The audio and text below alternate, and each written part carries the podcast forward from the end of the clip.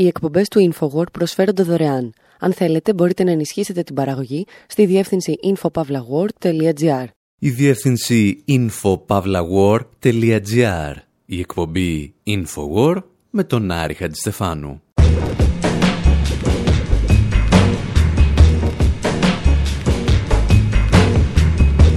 Όπου σήμερα στοιχηματίζουμε ότι αν μας πείτε τι τρώτε, μπορούμε να σας πούμε με σχετική βεβαιότητα, το λόμπι ποιας εταιρείας σας έπεισε ότι αυτό θέλετε να τρώτε. Παρακολουθούμε την Coca-Cola να υποστηρίζει ότι οι θερμίδες που καταναλώνετε δεν παίζουν ρόλο στο αν θα είστε χοντροί και ρίχνουμε 26 φακελάκια ζάχαρης σε ένα ποτήρι για να διαπιστώσουμε αν έχει δίκιο. Τρώμε το πρωινό μας με τον Κεμάλα Τούρκ ενώ επισκεπτόμαστε το σανατόριο της Kellogg's και βρίσκουμε νυφάδες από την μεγάλη απάτη της βιομηχανικής επανάστασης. Υποπτευόμαστε ότι τα λόμπι των τροφίμων έχουν καταλάβει θέσεις στην Ευρωπαϊκή Ένωση και τον ΟΗΕ, αλλά και στα μέσα ενημέρωσης στην Ελλάδα και την Κύπρο. Και ύστερα λέμε μερικές ακόμη ελαφρώς πιο πολιτικές ιστορίες για την κόκακολα. Πού είναι;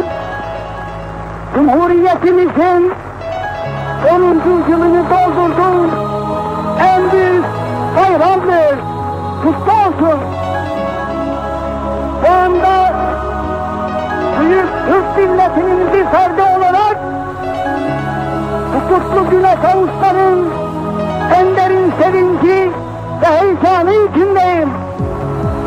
Ne mutlu Türk'üm diyene.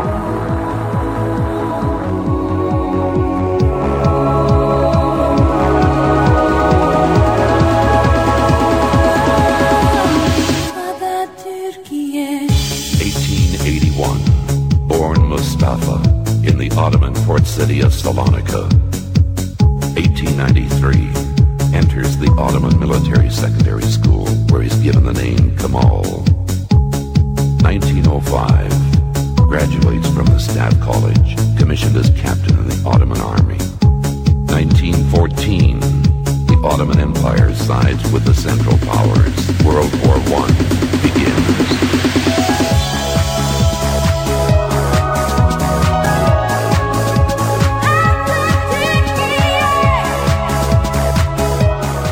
Ένα από τα πολλά πιτάκια που κυκλοφορούν στο τουρκόφωνο διαδίκτυο με αναφορές στη ζωή του Κεμάλα τα Τούρκ. Και σχεδόν όλα τα πιτάκια έχουν τα καλύτερα λόγια να πούν για τον λεγόμενο πατέρα των Τούρκων. 1918, World War I ends in Ένα όμως από τα επιτεύγματα του Ατατούρκ το οποίο κανείς δεν φαίνεται να εξυμνεί είναι ότι έπεισε ολόκληρη την Τουρκία να πίνει τσάι.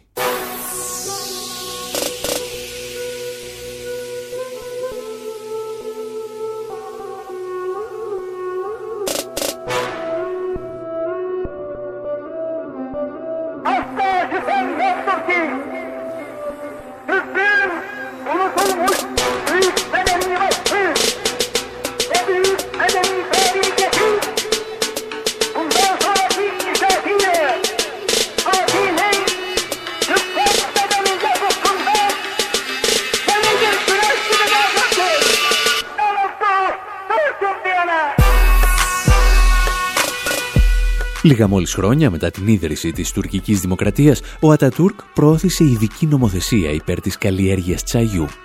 Ένα ρόφημα το οποίο ήταν από άγνωστο έως αδιάφορο μέχρι τότε στην Τουρκία. Γιατί όλοι έπιναν καφέ. Με απόφαση του Εθνάρχη όμως, όλοι οι Τούρκοι άρχισαν να πίνουν τσάι.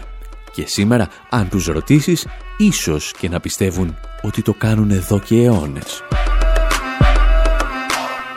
Το να αποφασίζει ένας άνθρωπος ποιο θα είναι το ρόφημα ενός έθνους ίσως ακούγεται σαν το άκρο ναότο του απολυτερχισμού. Το βασικό χαρακτηριστικό του Ατατούρκ όμως δεν ήταν ότι ήταν απολυτερχικός, αλλά ότι ήταν αστός. Και καμία άλλη τάξη στην ιστορία της ανθρωπότητας δεν παρεμβαίνει με τόσο ομό τρόπο για να αποφασίζει όχι μόνο τι μπορούμε να τρώμε, αλλά ακόμη και τι νομίζουμε ότι θέλουμε να τρώμε. Και πριν δούμε με ποιους τρόπους γίνεται αυτό στις ημέρες μας, θα χρειαστεί να θυμηθούμε μία από τις μεγαλύτερες επιχειρήσεις λόμπινγκ στην ιστορία του καπιταλισμού. Την προσπάθεια της βιομηχανίας τροφίμων να μας πείσει ότι δεν υπάρχει τίποτα πιο υγιεινό από ένα καλό πρωινό. Και επειδή είμαστε ανάποδοι άνθρωποι, θα ξεκινήσουμε με ένα τραγούδι του Otis Redding για το πρωινό. Αυτό που λέει «Cigarettes and Coffee», γνωστό σε ορισμένους ως το ελληνικό πρωινό.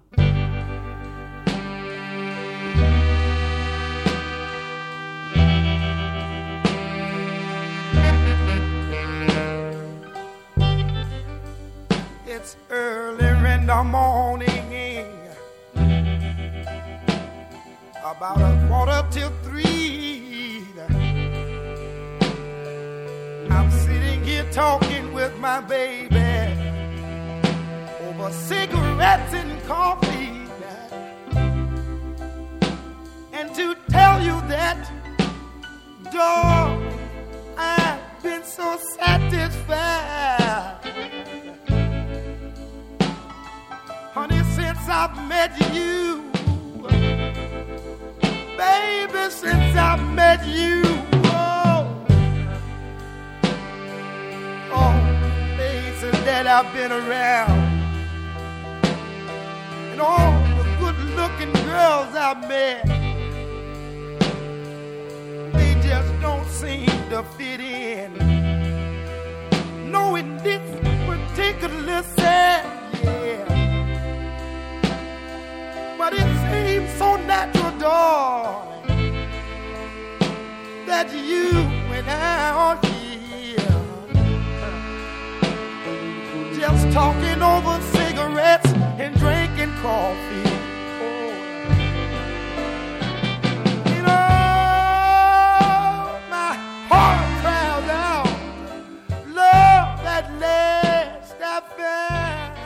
Ο Ότις Ρέντιν τραγουδά για τη μαγεία ενός πρωινού στο οποίο κάθεται με την κοπέλα του και απολαμβάνουν καφέ και τσιγάρα. Και μπορούμε να υποθέσουμε με σχετική βεβαιότητα ότι αν παρουσίαζε σήμερα το τραγούδι, κάποιος υγιεινιστής θα τον μαχαίρωνε, θα του ξερίζωνε την καρδιά και θα την έτρωγε με γκότζι πέρι. Και όλα αυτά θα συνέβαιναν γιατί εδώ και δεκαετίες όλοι μας καλούμαστε να πιστεύουμε ότι ένα υγιεινό πρωινό είναι το σημαντικότερο γεύμα της ημέρας. Αυτό μάλιστα που σου δίνει τη δύναμη να συνεχίσεις και το οποίο όχι μόνο δεν παχαίνει, αλλά σε βοηθά, λέει, να κρατήσεις και τη σιλουέτα σου. Όπως εξηγούσε όμως η Αμπικέιλ Κάρολ στο βιβλίο της «Η ανακάλυψη του Αμερικανικού γεύματος», αυτή μας η πεποίθηση είναι το αποτέλεσμα μιας εκστρατείας προώθησης συγκεκριμένων προϊόντων στην αγορά από μεγάλα λόμπι.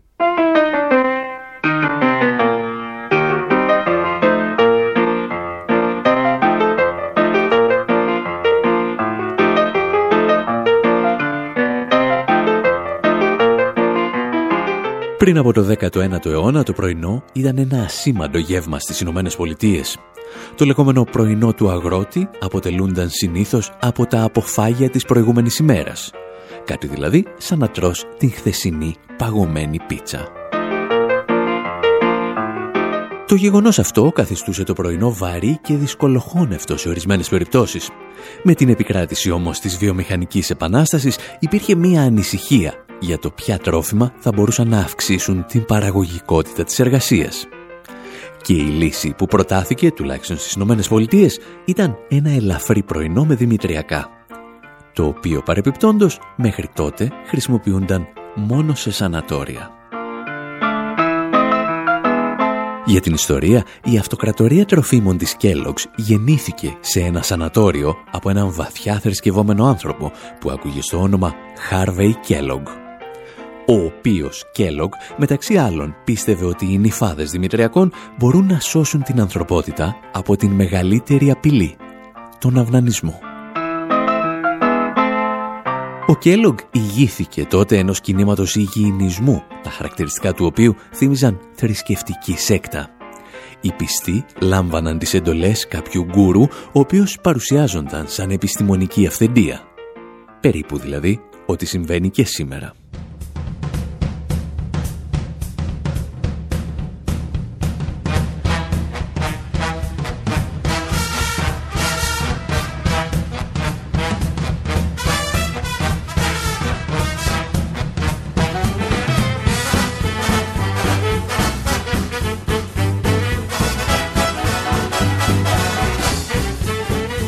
Από τη δεκαετία του 1940 το πρωινό με δημητριακά είχε γίνει πλέον συνώνυμο της πιο υγιεινής διατροφής.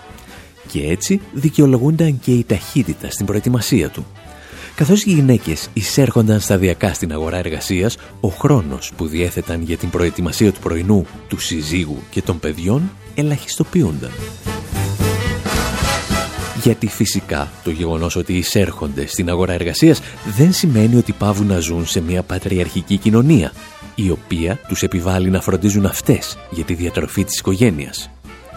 Είναι από εκείνες τις περιπτώσεις όπου η κοινωνική υπερδομή κινείται με καθυστέρηση σε σχέση με τις αλλαγές στην οικονομική υποδομή του συστήματος. Οι γυναίκες έπρεπε λοιπόν να αισθάνονται καλύτερα που προετοίμαζαν ένα πρόχειρο πρωινό. Και όπως εξηγούσαν τα διαφημιστικά μηνύματα της Kellogg στη δεκαετία του 50, αν ένας άντρας δεν αποδίδει στη δουλειά, ευθύνεται μόνο η γυναίκα του, η οποία δεν του είχε ετοιμάσει το σωστό πρωινό με δημητριακά. This is how his wife sent him off to work this morning. His wife's fault, really. He's had almost nothing since supper 12 hours ago. Ορίστε πώ τον έστειλε η γυναίκα του στη δουλειά εκείνο το πρωινό. Ήταν δικό της λάθος. Δεν είχε φάει τίποτα από το προηγούμενο δείπνο και είχαν περάσει 12 ώρες. Πριν από τις φυγανιέ και το τσάι, δώσ' του ένα μπολ γεμάτο cornflakes. Δεν χρειάζεται ούτε να μαγειρεύεις ούτε να πλένεις πιάτα. Θα το χωνέψεις σε χρόνο ρεκόρ και είναι και απολαυστικό. Ύστερα από ένα τέτοιο πρωινό, η γυναίκα του δεν χρειάζεται να ανησυχεί για τίποτα. Ξεκίνα την ημέρα σου με Kellogg's. Start your day the Kellogg's way. Η κατανάλωση δημητριακών το πρωί δεν ήταν πλέον μόνο μια θρησκεία. Δημιουργούσε υπερανθρώπους σε πιο νητσεϊκά πρότυπα. Γι' αυτό άλλωστε στις διαφημίσεις της Kellogg's εμφανίστηκε τότε και ο Σούπερμαν. Για την ακρίβεια εμφανίστηκε ο Κλάρκ Κέντ. Hi. Come on and meet my pal, Clark Kent, the star of Superman. As a reporter, I like to keep up on all the exciting news being made these days. Everywhere I go, I find kids and grown-ups eating Kellogg's Sugar Frosted Flakes for breakfast and for snacks all day long. Tell everyone how Frosted Flakes taste. Great! New flakes, frosted flakes, Kellogg's Sugar Frosted Flakes. Το γεγονός ότι η Kellogg's προτίμησε για τα διαφημιστικά της τον δημοσιογράφο Clark Kent και όχι τον υπεράνθρωπο Σούπερμαν είναι ίσως συμπτωματικό. Εμάς όμως μας προσφέρει μια εξαιρετική ευκαιρία για να εξηγήσουμε πώς τα λόμπι της βιομηχανίας τροφίμων χρησιμοποιούν και τα μέσα ενημέρωσης για να αλλάζουν τις διατροφικές μας συνήθειες. Μικρό διάλειμμα για να ακούσουμε το Breakfast στην Αμέρικα και επιστρέφουμε.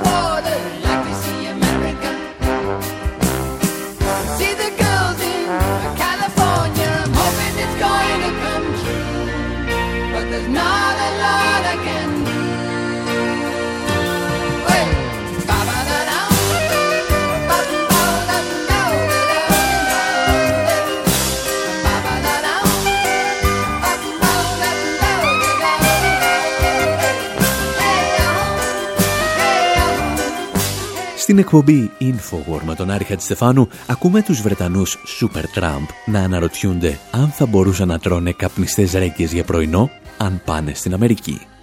Και η απάντηση είναι φυσικά όχι, γιατί το λόμπι της καπνιστής ρέγγας, σε αντίθεση με το λόμπι των Δημητριακών και του Μπέικον, δεν είναι τόσο ισχυρά για να επιβάλλουν στην Αμερικανική κοινωνία τέτοιες μορφές διατροφής. Και εδώ ξεκινάει η ιστορία μας για το ρόλο των σύγχρονων λόμπι. Στις αρχές Ιουνίου, μια ομάδα ερευνητών από πανεπιστήμια της Οξφόρδης και του Μιλάνου ήρθε να μας επιβεβαιώσει με στοιχεία κάτι που γνωρίζαμε εμπειρικά από τη δεκαετία του 80 ότι ορισμένες από τις μεγαλύτερες βιομηχανίες τροφίμων και χημικών του πλανήτη, όπως η Coca-Cola, η Nestlé, η BASF και τα McDonald's, έχουν δημιουργήσει ένα λόμπι με στόχο να επηρεάζουν τις αποφάσεις καταναλωτών και διεθνών οργανισμών. Το λόμπι που ακούει στο όνομα Διεθνές Ινστιτούτο Επιστημών Ζωής έχει φτάσει να φυτεύει δικούς του επιστήμονες και στελέχη σε επιτροπές της Ευρωπαϊκής Ένωσης αλλά και του Οργανισμού Ηνωμένων Εθνών.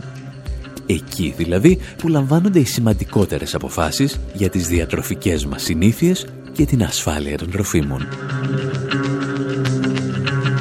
Το λεγόμενο Ήλση δημιουργήθηκε στα τέλη της δεκαετίας του 70 και σύμφωνα με τον ιστορικό Μπαρτ Έλμορ, μία από τις πρώτες του λειτουργίες ήταν να πείσει τη διεθνή κοινή γνώμη αλλά και τους νομοθέτες σε όλο τον κόσμο ότι η καφεΐνη κάνει καλό.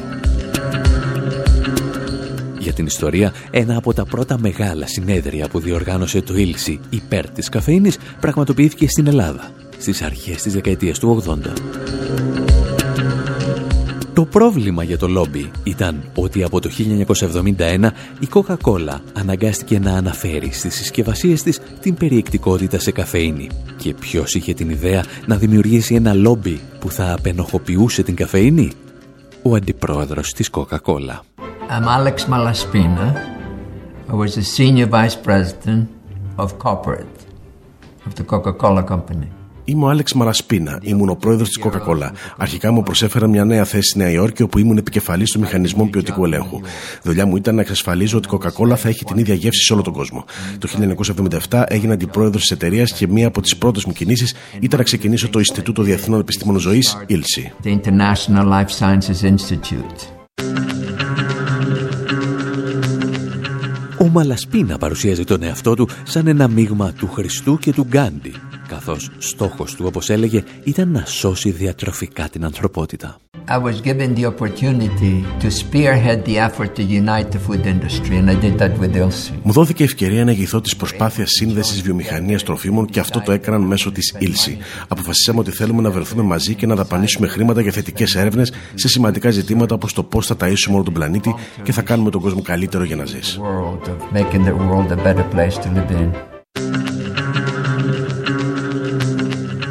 Το πώς ακριβώς θα γινόταν ο κόσμος καλύτερος το μάθαμε αρκετές φορές τις τελευταίες δεκαετίες. Το πιο κραυγαλαίο παράδειγμα όμως ήταν η προσπάθεια του λόμπι της Coca-Cola να πείσει τους παχύσαρκους πολίτες των Ηνωμένων Πολιτειών ότι δεν φταίει το γεγονός ότι τρώνε ό,τι τρώνε. Το μόνο τους πρόβλημα, εξηγούσε το λόμπι, ήταν ότι δεν γυμνάζονται.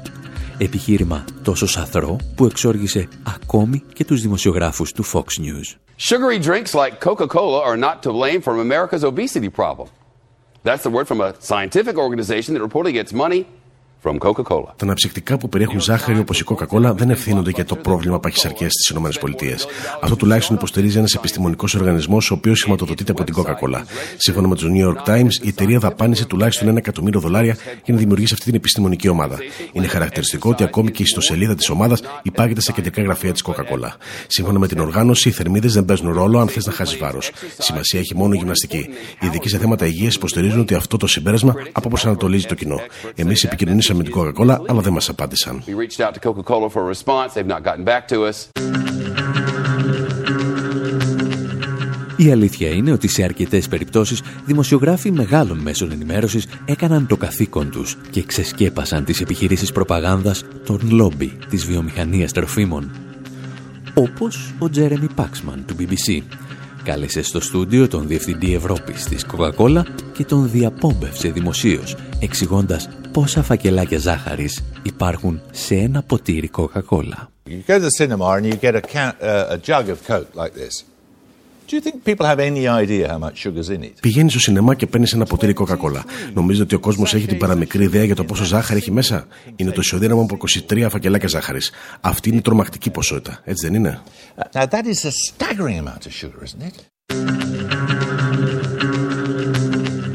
Το πρόβλημα ήταν ότι οι δημοσιογράφοι δεν στάθηκαν πάντα στο ύψος των περιστάσεων.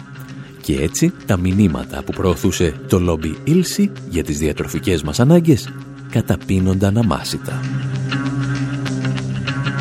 Στην Ελλάδα, παραδείγματος χάρη, πριν από δύο χρόνια, διαβάζαμε σε δεκάδες ιστοσελίδες ότι τέσσερα φλιτζάνια καφέ την ημέρα δεν βλάπτουν καθόλου την υγεία μας. Και φυσικά, μοναδική πηγή για τη συγκεκριμένη πληροφορία ήταν επιστήμονες του Διεθνούς Ινστιτούτου Επιστημών Ζωής. Λίγο αργότερα αρχίσαμε να μαθαίνουμε και για τις ευεργετικές ιδιότητες των λεγόμενων ολιγοθερμικών γλυκαντικών. Συστατικά τα οποία εντελώς συμπτωματικά άρχισαν να χρησιμοποιούν στα προϊόντα τους ορισμένοι από τους βασικούς χρηματοδότες του λόμπι Ήλση. Περισσότερα γι' αυτά όμως μπορείτε να διαβάσετε και στο σχετικό μας κείμενο στην εφημερίδα των συντακτών του Σαββάτου. Εμείς θα μείνουμε στα κόκκινα χρώματα της Coca-Cola για να διηγηθούμε όμως μερικές ιστορίες ελαφρώς πιο πολιτικές στο δεύτερο μέρος της εκπομπής.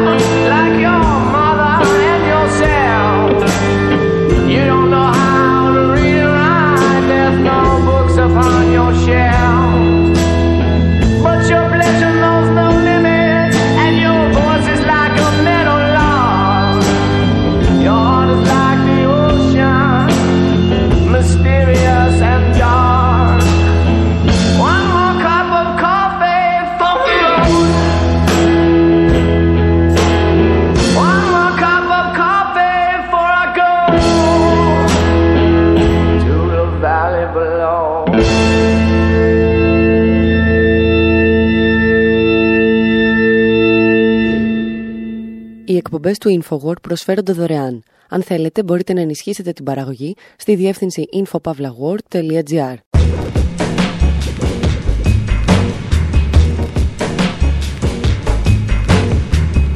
Στην εκπομπή InfoWar με τον Άρχα Στεφάνου συζητάμε και τραγουδάμε για ένα μαύρο γλυκό υγρό με μπουρμπουλήθρες που για κάποιο λόγο μάθαμε να πιστεύουμε ότι πάει με όλα. Συζητάμε για την πολιτική ιστορία της Coca-Cola και τα μποϊκοτάζ που έχουν ξεκινήσει κατά διαστήματα εναντίον της τον περασμένο αιώνα.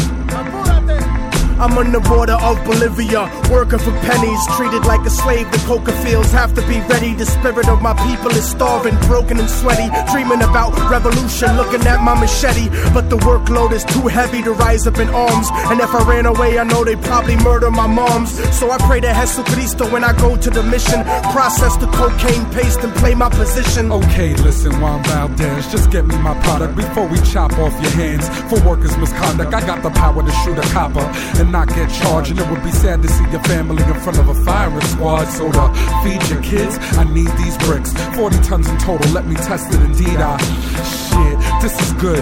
Pass me a tissue and don't worry about them. I paid off the official. Yo, it don't come as a challenge. I'm the son of some of the foulest, elected by my people. The only one on the ballot, born and bred to consort with feds. I laugh at fate and assassinate my predecessor to have his place in a third world fashion state.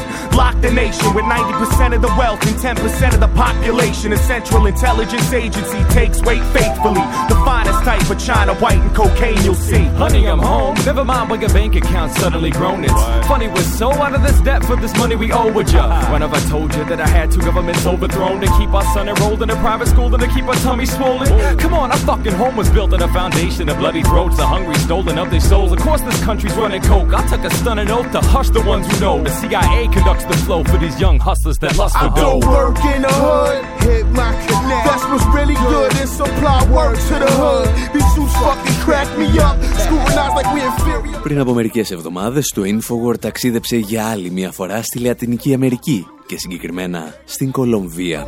Play with my yayo, we won't stop you. Θα ακούσουμε σε μια από τις επόμενες εκπομπές ιστορίες από αυτή την αποστολή. Για σήμερα όμως χρειαζόμαστε μόνο μία εικόνα. Stacking dough, this pump the crack a blow. And my overtime is where your taxes go. Βρισκόμαστε στο Μουσείο Μοντέρνας Τέχνης της πόλης Μεντεγίν και ανάμεσα στα δεκάδες εξαιρετικά έργα καλλιτεχνών όπως ο Μποτέρο υπάρχει και ένας τεράστιος κόκκινος πίνακας που γράφει «Κολόμπια» με τη γραμματοσυρά της Coca-Cola.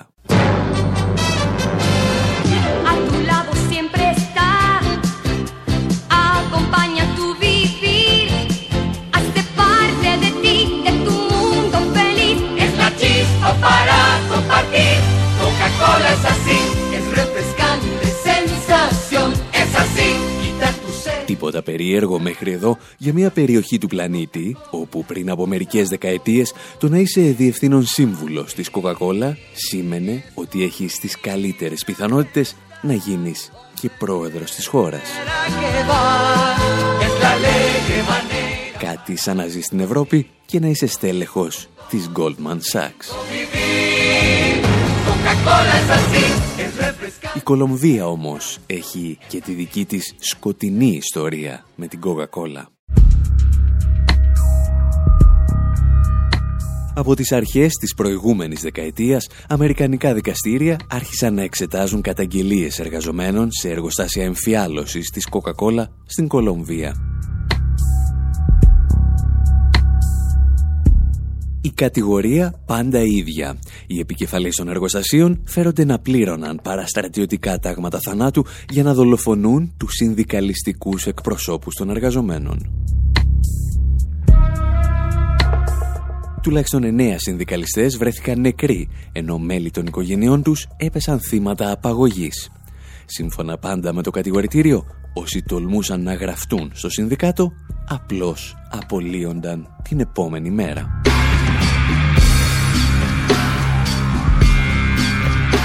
Η εταιρεία δεν αρνήθηκε ότι όλα αυτά μπορεί να συνέβαιναν, αλλά υποστήριξε ότι γίνονταν εν αγνία των διευθυντικών στελεχών της εμφιαλότριας εταιρείας.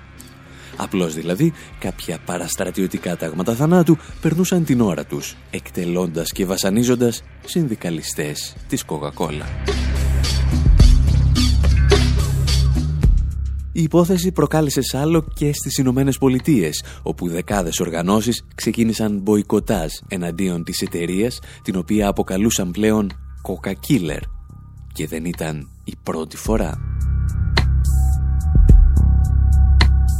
Τη δεκαετία του 70, συνδικαλιστές στα εμφιαλωτήρια της Coca-Cola στη Γουατεμάλα άρχισαν να εξαφανίζονται μυστηριωδώς.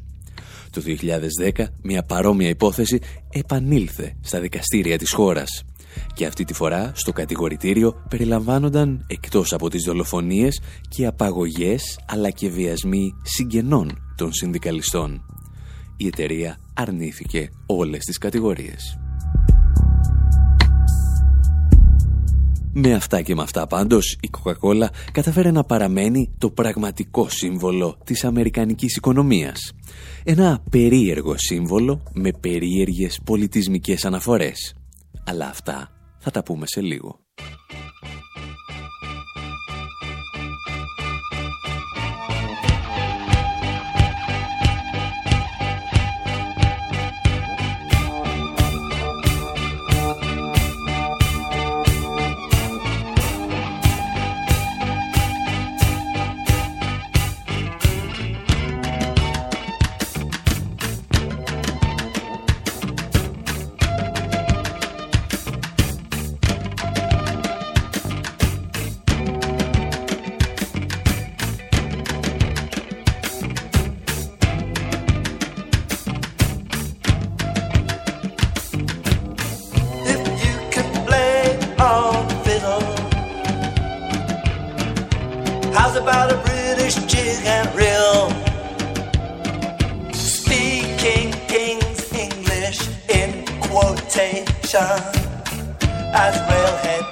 Στην εκπομπή Infowar με τον Άρη Χατζηστεφάνου συζητάμε για την Coca-Cola με αφορμή το κάλεσμα των εργαζομένων στην Ελλάδα να μποϊκοτάρουμε τα προϊόντα της εταιρείας. Και έχουμε μείνει στο σημείο όπου οι κλάς τραγουδούν για στρατιωτικές επιχειρήσεις υπερδυνάμεων στην Ασία. Τραγουδούν και για μετανάστες που εισέρχονται στη Μεγάλη Βρετανία για να γνωρίσουν τον αποκλεισμό, τη φτώχεια και την ανεργία. Κυρίως όμως, οι κλάς τραγουδούν για τους λεγόμενους Amerasians, τα παιδιά που έχουν ως πατέρα έναν Αμερικανό στρατιώτη, που συνήθως τα εγκαταλείπει, και μία Ασιάτισα μητέρα, που συνήθως ζει σε μία από τις χώρες που έχει βομβαρδίσει ο Αμερικανικός στρατός.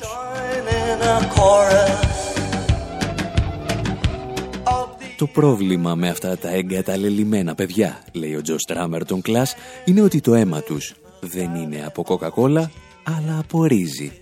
Και οι Αμερικανοί στρατιώτες προτιμούν να τα στέλνουν στο διάολο. Γιατί αν στο αίμα σου δεν ρέει κοκακόλα, προφανώς δεν ανήκεις στον δυτικό πολιτισμό. of you and mama, mama, mama san.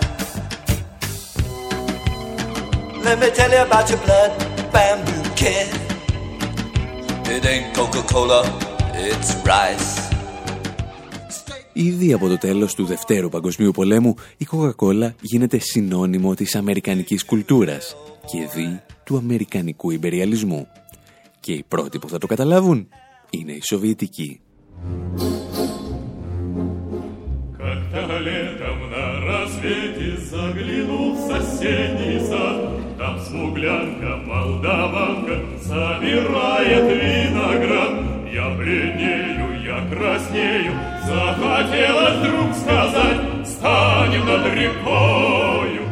Ο στρατάρχης Γκεόργκι Ζούκοφ που θα συντρίψει τα ναζιστικά στρατεύματα του Χίτλερ θα γνωρίσει την κοκακόλα από τον Eisenhower. Επειδή καταλαβαίνει όμως ότι το αναψυκτικό των Γιάνκιδων χρειάζεται μερικές τροποποιήσεις για να περάσει τα σοβιετικά σύνορα, κάνει το σχετικό αίτημα.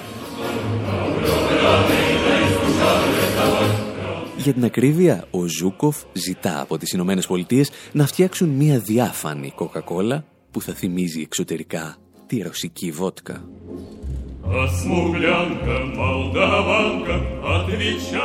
Το αίτημα έφτασε λέγεται μέχρι τον Αμερικανό πρόεδρο Τρούμαν, ο οποίος το μεταβίβασε στην Coca-Cola που με τη σειρά της έφτιαξε τη λεγόμενη λευκή κόλα το αναψυκτικό συσκευαζόταν σε διάφανα μπουκάλια χωρίς ραβδόσεις και στα καπάκια υπήρχε ένα κόκκινο αστέρι. Λόγω αυτής της συνεργασίας μάλιστα πιστεύετε ότι τα φορτηγά της εταιρείας ήταν τα μόνα που περνούσαν χωρίς τελωνιακές καθυστερήσεις, τα σύνορα της Σοβιετικής Ένωσης.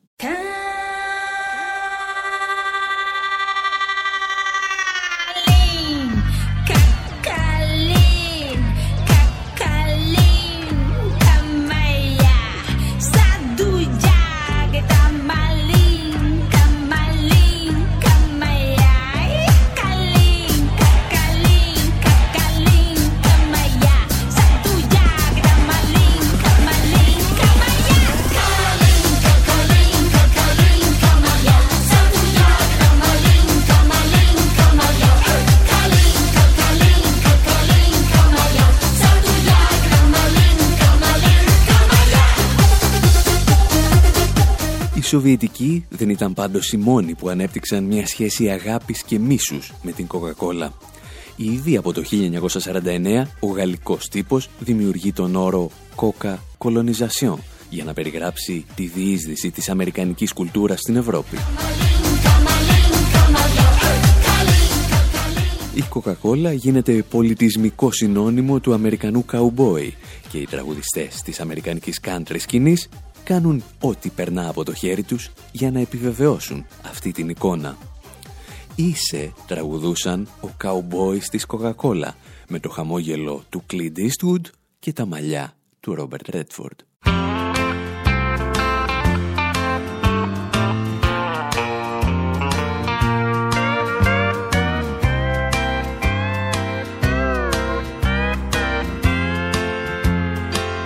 I call You say you're tired and alone. But it sounds like someone else is lying there. She said, Don't call me no more. Don't you knock on my door. It's too late now, and I know you'll never change. And she said, just a Coca Cola cowboy.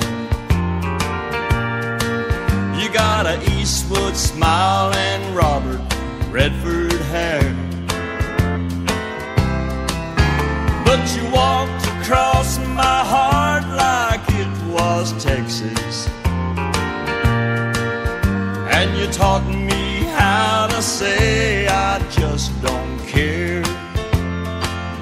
said, just leave me alone and let me hang up this phone.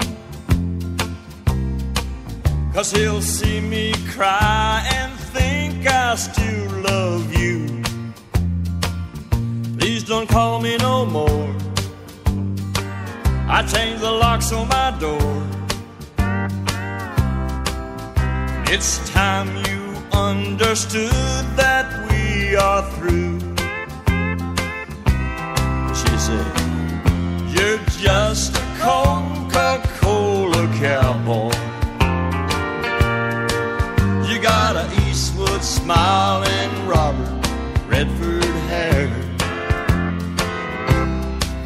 But you walked across my heart like it was Texas. And you taught me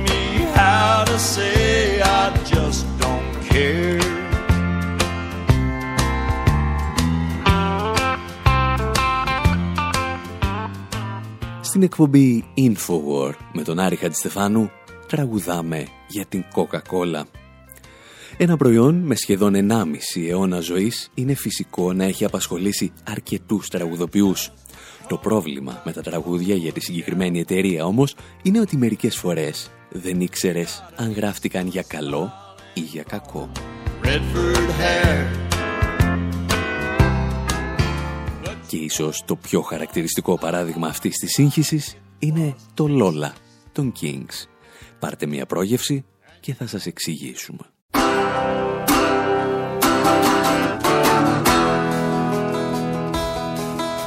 I met her in a club down in Old Soho where you drink champagne and it tastes like Coca-Cola.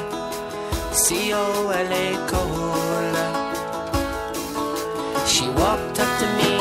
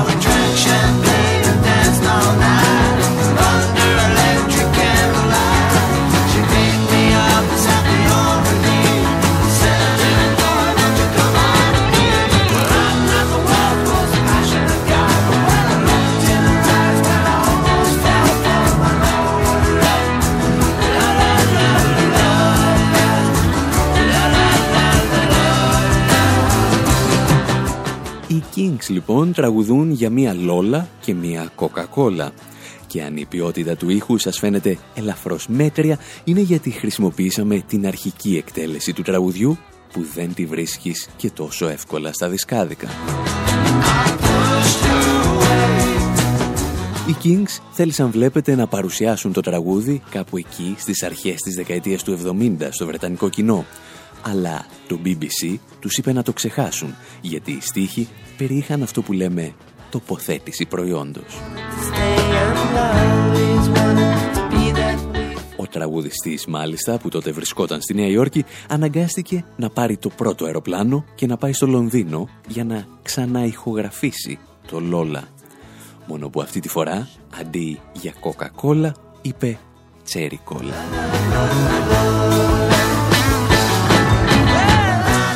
Το Λόλα βέβαια μόνο θετικό για την Coca-Cola δεν μπορεί να θεωρηθεί. Ο ήρωας του τραγουδιού πηγαίνει σε ένα μπαρ όπου η σαμπάνια είναι λέει τόσο κακή που έχει γεύση από Coca-Cola.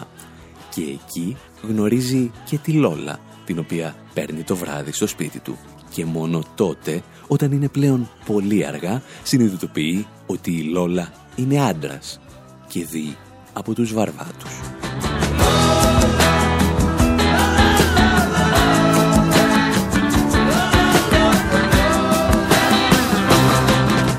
Λιγότερα προβλήματα με τους στίχους των τραγουδιών και την Coca-Cola είχαν οι Who, ενδεχομένως γιατί τα έπαιρναν από την εταιρεία να τις γράφουν μουσική για τα διαφημιστικά της μηνύματα.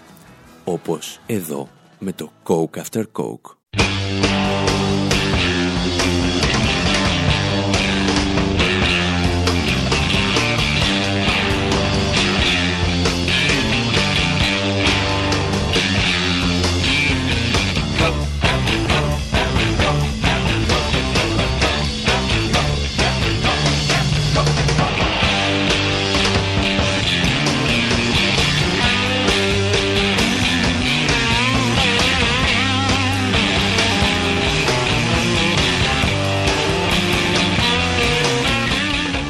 Σε αντίθεση με τους Who, ο Νίλ Γιάνγκ προτίμησε να μην πουλήσει την ψυχή του στο μαύρο διάολο με τις μπουρμπουλήθρες και να γράψει το This Notes For You. Δεν τραγουδάω λέει για την Pepsi, δεν τραγουδάω για την Coca-Cola, γιατί αυτά με κάνουν να δείχνω ηλίθιος.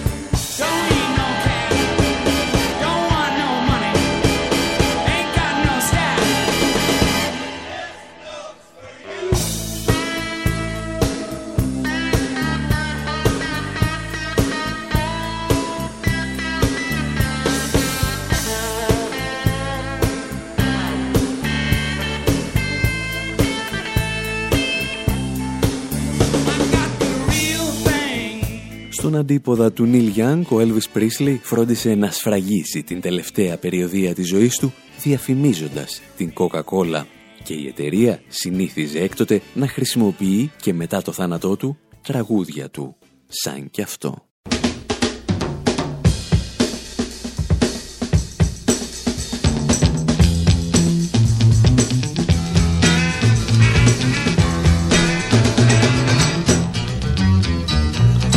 Less conversation, a little more action, please. All this aggravation ain't satisfaction in me. A little more bite, a little less bark, a little less fight, a little more spark. Close your mouth and open up your heart, and baby, satisfy me. Ο θρύλος του αμερικανικού πολιτισμού συναντούσε ένα θρύλο της αμερικανικής οικονομίας. Το κοινό τους χαρακτηριστικό και οι δύο είχαν καταλυστέψει το κεφάλαιο των μαύρων. Ο πρώτος σε πολιτισμικό επίπεδο, η δεύτερη σε υπεραξία.